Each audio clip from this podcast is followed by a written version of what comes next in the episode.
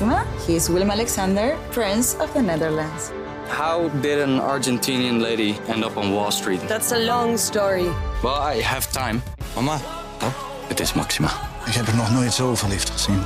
Screw everyone. All I care about is you. Maxima. Vanaf 20 april alleen bij Videoland. Alice in Wonderland. Aflevering 11. Door Mark Rietman. Op haar tocht door Wonderland is Alice bij een huisje op een open plek in het bos terechtgekomen.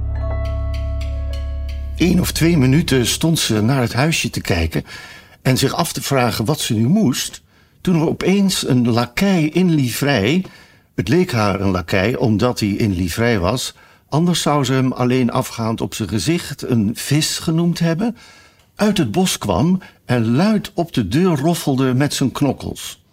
En die werd geopend door een andere lakij in livrei, met een rond gezicht en grote ogen als een kikker.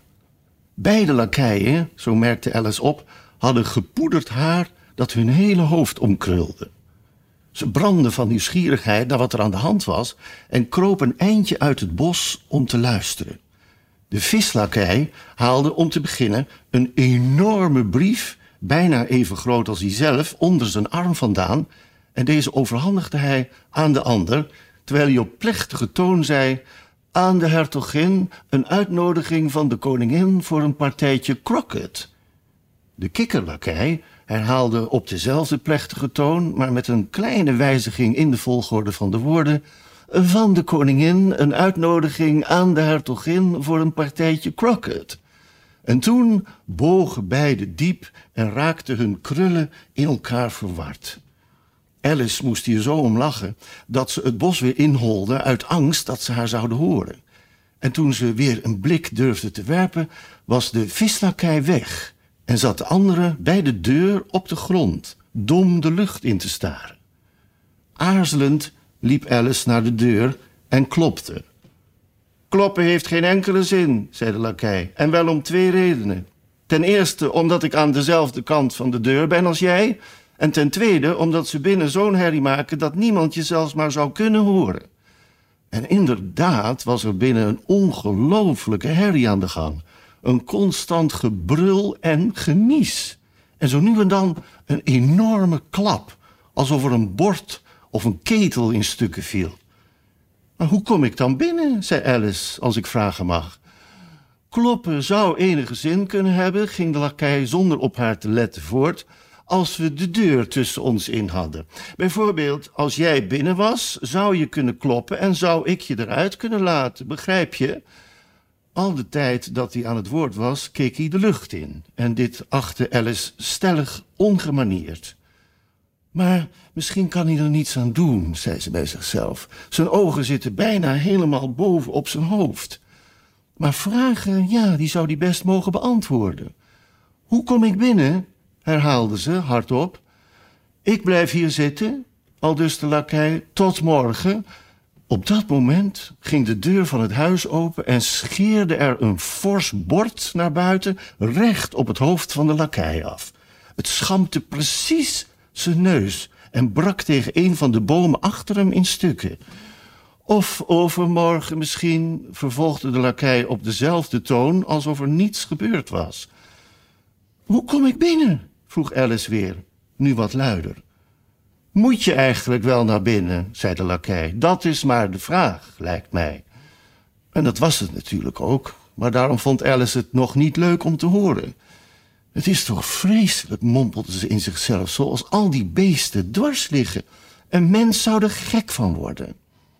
De lakij scheen dit een goede gelegenheid te vinden om zijn opmerking te herhalen, met variaties. Ik blijf hier zitten, zei hij, op en af, dag in, dag uit. Maar wat moet ik? zei Alice. Wat je maar wil, zei de lakij en floot een deuntje. Ach, met hem valt niet te praten, zei Alice wanhopig. Hij is volkomen geschift. En ze opende de deur en ging naar binnen. De deur gaf rechtstreeks toegang tot een ruime keuken, die van voor tot achter gevuld was met rook. De hertogin zat op een krukje in het midden, met een baby op schoot. En de kokkin stond over het fornuis gebogen en roerde in een grote ketel, zo te zien vol soep. Er zit vast te veel peper in die soep, zei Alice tegen zichzelf, zo goed en zo kwaad als het ging, al niezend. En als hij niet in de soep zat, dan wel in de lucht. Zelfs de hertogin nieste nu en dan. De baby nieste en brulde beurtelings aan één stuk door. De enige wezens in de keuken die niet niesten, waren de kokkin en een forse kat, die bij de haard zat en van oor tot oor grijnsde. Kunt u mij ook zeggen, zei Alice een beetje verlegen, want ze wist niet zo zeker of het wel beleefd was om als eerste te spreken, waarom uw kat zo grijnst? Het is een kolmerkat, zei de hertogin. Vandaar. Dicht! Ze sprak het laatste woord zo onverwacht heftig uit dat Alice van schrik in de lucht sprong. Maar ze merkte al gauw dat het gericht was tot de baby en niet tot haar. Dus vatte ze moed en ging weer voort. Maar ik wist niet dat kolmerkatten altijd grijnsden. Ik wist eigenlijk niet eens dat katten konden grijnzen. Dat kunnen ze allemaal, zei de hertogin. En de meesten doen het ook. Ik weet van geen een die het doet, zei Alice heel beleefd, uiterst verheugd dat ze in gesprek was geraakt. Jij weet niet veel, zei de hertogin. Dat is een ding wat zeker is. De toon van deze opmerking beviel Alice helemaal niet en het leek haar raadzaam een ander gespreksonderwerp aan te snijden. En terwijl Alice er een aan het bedenken was, nam de kokkin de ketel soep van het vuur en begon ogenblikkelijk alles binnen haar handbereik naar de hertogin en de baby te gooien. Eerst kwam het haardstel, toen volgde een regen van steelpannen, borden en schalen. Maar de hertogin sloeg er geen acht op, zelfs al werd ze geraakt. En de baby brulde al zo verschrikkelijk dat het volstrekt niet uit te maken was of de klappen hard aankwamen of niet. Kijk toch eens wat u doet, riep Alice, die in uiterste vertwijfeling op en neer stond te springen. Ach, daar gaat zijn schattige neusje, terwijl een ongewoon grote steelpan er rakelings langs vloog en het op een haar na meenam. Als iedereen zich met zijn eigen zaken bemoeide, snauwde de hertogin met schorre stem, zou de wereld een stuk sneller rondwentelen. Ja, maar wat geen verbetering zou zijn, zei Alice, dolblij met de kans om eens te pronken met haar kennis. Denkt u alleen maar eens aan uh, de last die dat geeft met dag en nacht. Want de aarde heeft 24 uur nodig om rond haar as te draaien. En over draaien gesproken, zei de hertogin, draai haar maar de nek om. Alice wierp een bange blik op de kokkin om te zien of deze wenk ter harte zou worden genomen.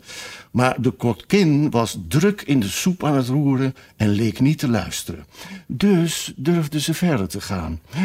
24 uur, geloof ik, of zijn het er twaalf? Ik, uh, zeg, uh, ga een ander vervelen, zei de hertogin. Cijfers heb ik nooit kunnen uitstaan. En daarop begon zij haar kind weer te wiegen, terwijl ze een soort slaapliedje zong en het kind aan het eind van elke regel woest door elkaar schudde. Lees ruw uw kleine zoon de les en sla hem als hij niest. Hij doet het allemaal expres, dolblij als u zo briest. Het refrein, waarbij Kokkin en de baby invielen, oei, oei, oei. Terwijl de hertogin het tweede couplet van het lied zong, bleef ze de baby woest heen en weer zwaaien.